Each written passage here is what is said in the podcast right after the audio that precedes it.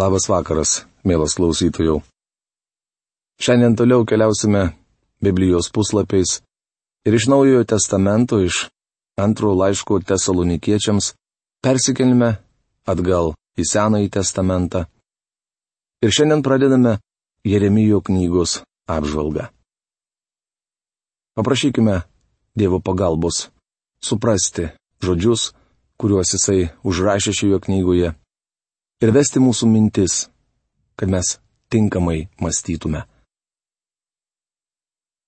Dangiškasis tėve, mes dėkojame tau už begalinę meilę, gailestingumą ir malonę, kurią tu parodėjai mums Kristuje Jėzuje, savo vaikams, įsūniams, kurie gyvoju, amžinuoju keliu atėjome į tą artimą bendravimą ir draugystę su tavimi. Ne todėl, kad mes buvome geri, bet todėl, kad tu esi geras ir mylintis. Tobulas, šventas. Atidavėjai savo sūnų Jėzų, kuris palikęs dangų, tapo vienu iš mūsų. Gyvendamas teisų gyvenimą, pasmerkė nuodėmę, atiduodamas save prikalti prie kryžiaus. Ačiū tau, kad jisai numirė, buvo palaidotas ir prisikėlė ir šiandien yra gyvas. Ačiū tau, kad jisai yra tavo akivaizdoje ir tu žvelgiai mus viešpatė per jį. Prašome tavęs valdovę, didis, kad tu prabiltum šį vakarą ir kiekvieną vakarą, kada mes nagrinėsime šitą pranašišką knygą į mūsų širdis, savo dvasios galybę. Kad tu parodytum mums save tokius, kokius tu mus matai. Kad mes galėtume suprasti, kokiegi tavo keliai ir mintys yra mūsų gyvenimui.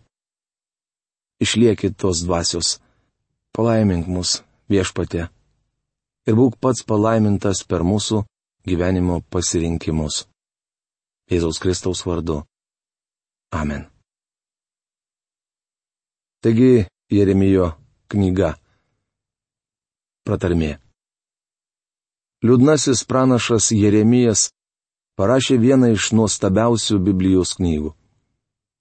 Žinoma, kiekviena šventojo rašto knyga yra nuostabi, tačiau šioji labai neįprasta. Dauguma pranašų stengiasi likti šešėlyje ir nesieja pranašyščių su savo gyvenimu. Jeremijas yra išimtis, nes didžioji jo knygos dalis yra autobiografinė išvardysiu dešimt faktų, kurie padės mums geriau pažinti šios knygos autorių. Pirma. Jis gimė kunigų šeimoje Anatote, kuris buvo įsikūręs maždaug 5 km į šiaurę nuo Jeruzalės. Jeremijo knygos pirmos skyriaus pirma eilutė. Antra. Jeremijas buvo išrinktas būti pranašu dar prieš jam gimstant. Jeremijo knygos pirmos skyriaus penkta eilutė. Trečia. Dievas pašaukė Jeremiją pranašo tarnystėj, kai jis buvo dar labai jaunas. Jeremijo knygos pirmos skyriaus šešta eilutė. Ketvirta. Dievas įgalino jį būti pranašu. Jeremijo knygos pirmos skyriaus 90 eilutės. 5. Jeremijas pradėjo savo tarnavimą karaliaus Jošijo dienomis ir apraudojo jo mirtį. Metraščių antra knyga 35 skyrius 25 eilutė. 6.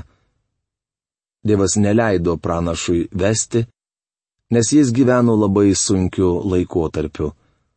Jeremijo knygos 16 skyrius nuo pirmos iki ketvirtos eilutės. 7. Jeremijas nei vieno netvertė.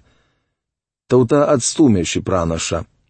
Jeremijo knygos 11 skyrius nuo 18 iki 21 eilutės 12 skyriaus 6 eilutė ir 18 skyriaus 18 eilutė. Judėjai nekentėjo, mušė ir akino į trinką. Jeremijo knygos 20 skyrius nuo pirmos iki trečios eilutės. Uždarė į kalėjimą ir apkaltino išdavystę. Jeremijo knygos 37 skyriaus 11-16 eilutės. Aštunta. Jis sielvartavo dėl žinios, kurią turėjo skelbti. Jeremijo knygos 8 skyriaus 23 eilutė. Devinta. Jeremijas norėjo atsisakyti savo tarnystės, bet Dievas neleido jam to padaryti. Jeremijo knygos 20 skyriaus 9 eilutė. Ir dešimta. Jis regėjo būsimąjį Jeruzalės sunaikinimą ir izraelitų paėmimą į nelaisvę. Babilonijos kariuomenės vadas leido Jeremijui pasilikti savame krašte. Kai likutis nusprendė pabėgti į Egiptą, Jeremijas pranašavo, jog tai neišeis jiems į gerą. Tai prašoma Jeremijo knygos nuo 42 skyriaus 15 iki 43 skyriaus trečios eilutės. Jis draugė su visų likučiu buvo išvestas į Egiptą. Jeremijo knygos 43 skyriaus 6-7 eilutės. Egipte Jeremijas mirė. Pasakojama, kad pranaša akmenimis užmušė patys izraelitai. Jeremijas buvo nepaprastas vyras. Aš vadinu jį Dievo verksniu, tačiau ne todėl, kad norėčiau pažeminti ar sumenkinti. Šio vyro akis buvo nuolat drėgnos nuo ašarų. Dievas išsirinko vyrą motinos širdimi, drebančių balsu ir ašarų kupinomis akimis, kad šis skelbtų nemalonę žinę apie bausmę. Žinia, kurią jis turėjo skelbti, vėrė jam širdį. Jeremijas buvo didis Dievo vyras. Atvirai kalbant, aš abejoju, ar mes su jumis būtume išsirinkę tokį žmogų nemalonios žinios skelbimui.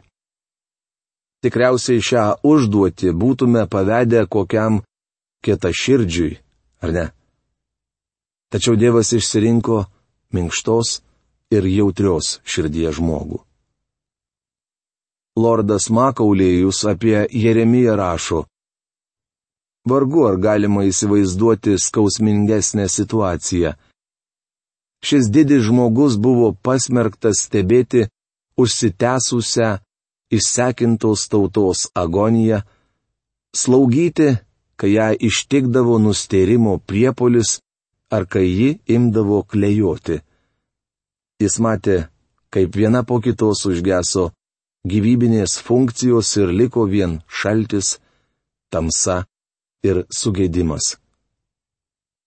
Tokia buvo Jeremijo padėtis ir toks jo pašaukimas. Pranašas stovėjo ir žiūrėjo, kaip jo tauta buvo vedama į nelaisvę. Daktaras Murhedas rašo dar vaizdingiau. Jeremijas turėjo pranašauti tokiu metu, kai visa judo karalystė kiek įkabindama bėgo pasitikti galutinės katastrofos.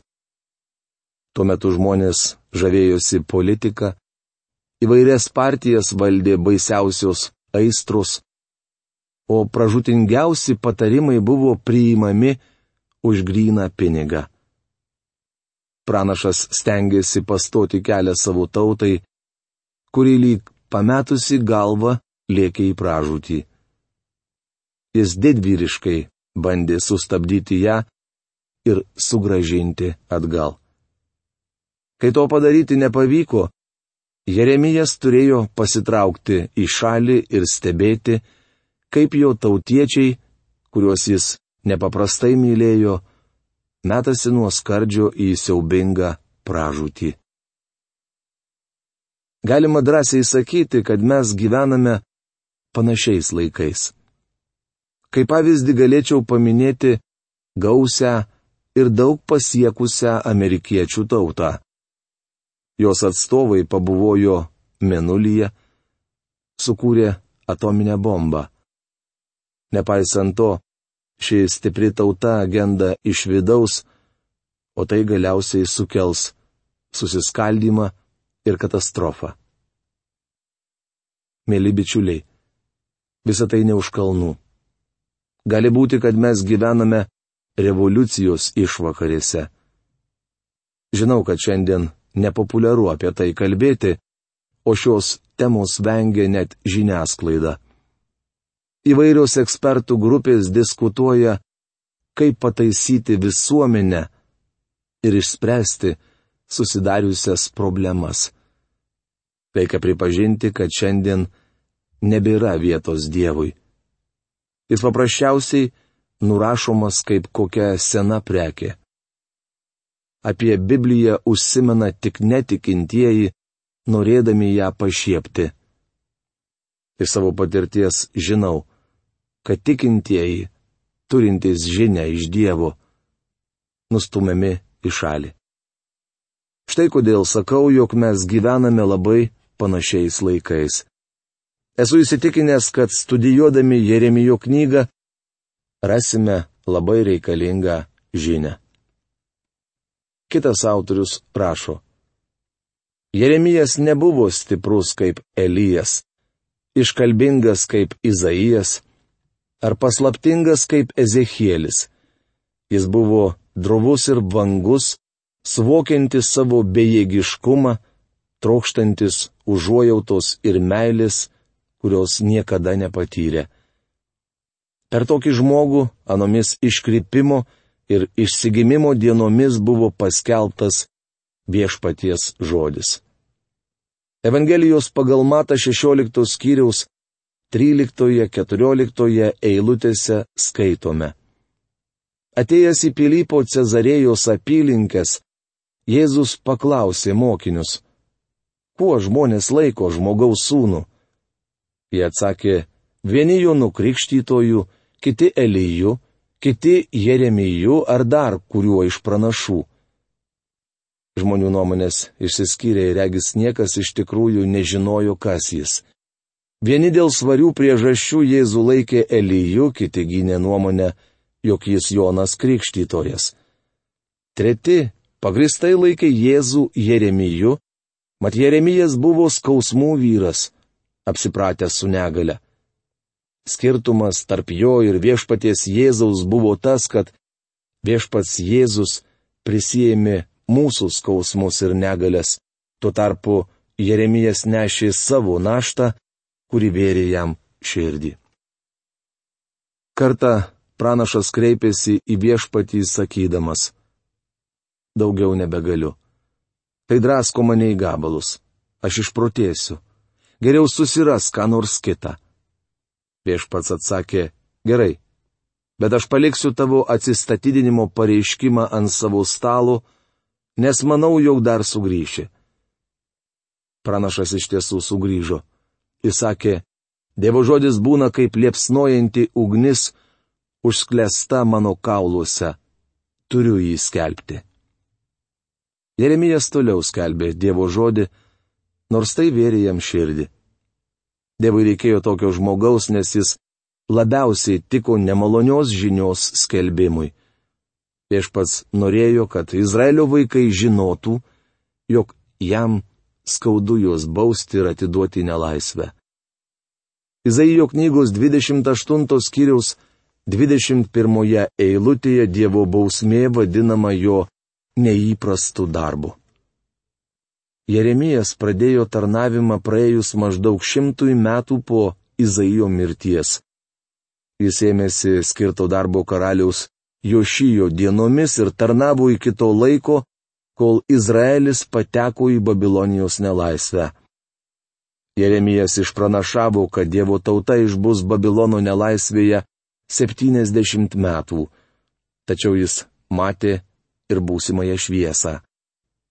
Studijuodami nuostabes Jeremijo pranašystės įsitikinsime, kad taip karštai apie ateitį nekalbėjo ne vienas pranašas.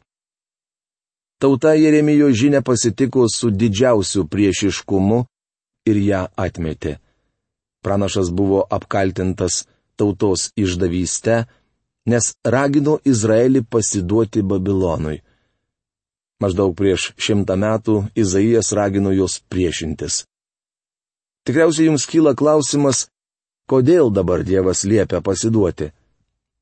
Todėl, kad Jeremijo dienomis jiems nieko kito nebuvo likę Dievo ekonomikoje Izraelio tautai numatytas laikas ėjo į pabaigą. Jau buvo prasidėję pagonių laikai, o Babilonas iškilęs kaip aukso galva. Apie tai plačiau rašoma Danieliaus knygos antrame skyriuje. Jeremijo pranašystėms būdinga žodis maištingoji. Jis šioje knygoje pakartojamas 13 kartų. Likusioje Senojo testamento dalyje šis žodis sutinkamas vos keturis kartus.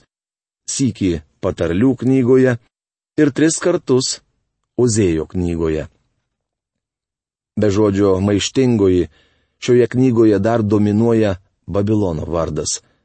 Čia jis paminėtas 164 kartus, tai yra daugiau kartų negu visoje likusioje šventojo rašto dalyje. Ši karalystė tapo pagrindiniu Izraelio priešu. Mėlyji, laidą užbaigsime apžvelgdami šios knygos planą. Pirma romėniškai. Pranašo pašaukimas karaliaus Jošijo dienomis. Pirmas skyrius. Antra romėniškai. Pranašystės Judui ir Jeruzaliai skelbtos prieš Zedekijui ateinant į valdžią. Antras dvidešimtas skyriai. A. Dvigubas judo pasmerkimas nuo antros skyriaus pirmos iki trečios skyriaus penktos eilutės. Pirma. Už tai, kad atmetė Jahve. Antra. Už tai, kad pasidirbo savo dievus. B. Kaltinimas maištingai tautai Jošijo dienomis nuo trečios skyriaus šeštos iki šeštos skyriaus trisdešimtos eilutės. C. Įspėjimas skelbiamas viešpaties namų vartuose. Septintas, dešimtas skyriai. D. Izraelis sulaužė sandūrą, kurią Dievas buvo sudaręs su savo tauta dykumoje. 11-12 skyriai. E. Palyginimas apie lininį aprišalą. 13 skyrius. F. Sausra ir badas. Bausmė maištingai tautai. 14-15 skyriai. G. Jeremijui uždraudžiama vesti. Nuo 16 skyriaus 1 iki 17 skyriaus 18 eilutės. H vartuose skelbiama žinia karaliui. 17 skyrius nuo 19 iki 27 eilutės. Į. Ženklas puodžiaus dirbtuvėje. 18-19 skyriai. J. Jeremijo persekiojimas. 20 skyrius. Trečia. Pranašystės skelbtos karaliaus Zedekijo dienomis. 21-29 skyriai. A. Atsakymas Zedekėjui dėl Nebukadnecaro 21-22 skyriai. B. Ryškiai šviesa labai tamsią dieną 23 skyrius. C. Palyginimas apie dvi pintines 24 skyrius. D. Dievas išpranašauja 70 nelaisvės metų. 25 skyrius. E. Jeremijas skelbė žinę šventyklos kieme Jehojakimo valdymo pradžioje. 26 skyrius. F. Palyginimai apie jungus. 27-28 skyriai. G. vilties žinia pirmai tremtinių grupiai. 29 skyrius. Ketvirta romėniškai. Pranašystės apie dvylikos giminių ateitį ir artėjantį judo paėmimą į nelaisvę. 30-39 skyriai. A. Būsimasis didžiojo suspaudimo laikotarpis. 30 skyrius. B. Dievas kelbė, ką padarys. 31 skyrius. C. Jeremijo įkalinimas, pranašas perka žemės sklypą. 32 skyrius. D. Busimoji karalystė, kurią Dievas pažadėjo Dovydui. 33 skyrius. E. Išpranašaujamas Zedekijo paėmimas į nelaisvę. 34 skyrius. F. Rehabų paklusnumas Dievui. 35 skyrius. G. Jehojakimas sunaikina Dievo žodį. 36 skyrius. H. Jeremijas kalėjime. 37-38 skyriai. I. Judas patenka į nelaisvę. Jeremijas paleidžiamas iš kalėjimo. 39 skyrius penktą romėniškai - pranašystis judėjams, likusiems savame krašte po Jeruzalės sunaikinimo. 40-42 skyriai. Šešta romėniškai - pranašystės, kurias Jeremijas skelbė paskutinėmis savo gyvenimo dienomis Egipte. 43-51 skyriai. A likučiui Egipte 43-44 skyriai, B. Baruchui 45 skyrius, C. Egiptui 46 skyrius, D. Filistinams 47 skyrius, E. Moabui 48 skyrius, F. Amonui, Edomui, Damaskui, Kedarui, Hatsorui, Elamui 49 skyrius. G. Babilonui 50-51 skyrius. Ir septinta romėniškai išsipildo pranašystės apie Jeruzalės sunaikinimą. 52 skyrius. Taigi, mes apžvelgiam pratarmę ir žinome knygos planą. Kitoje Mūsų laidoje pradėsime pirmojo skyriaus apžvalgą. O šios dienos laidos laikas baigėsi. Iki malonaus susitikimo. Sudė.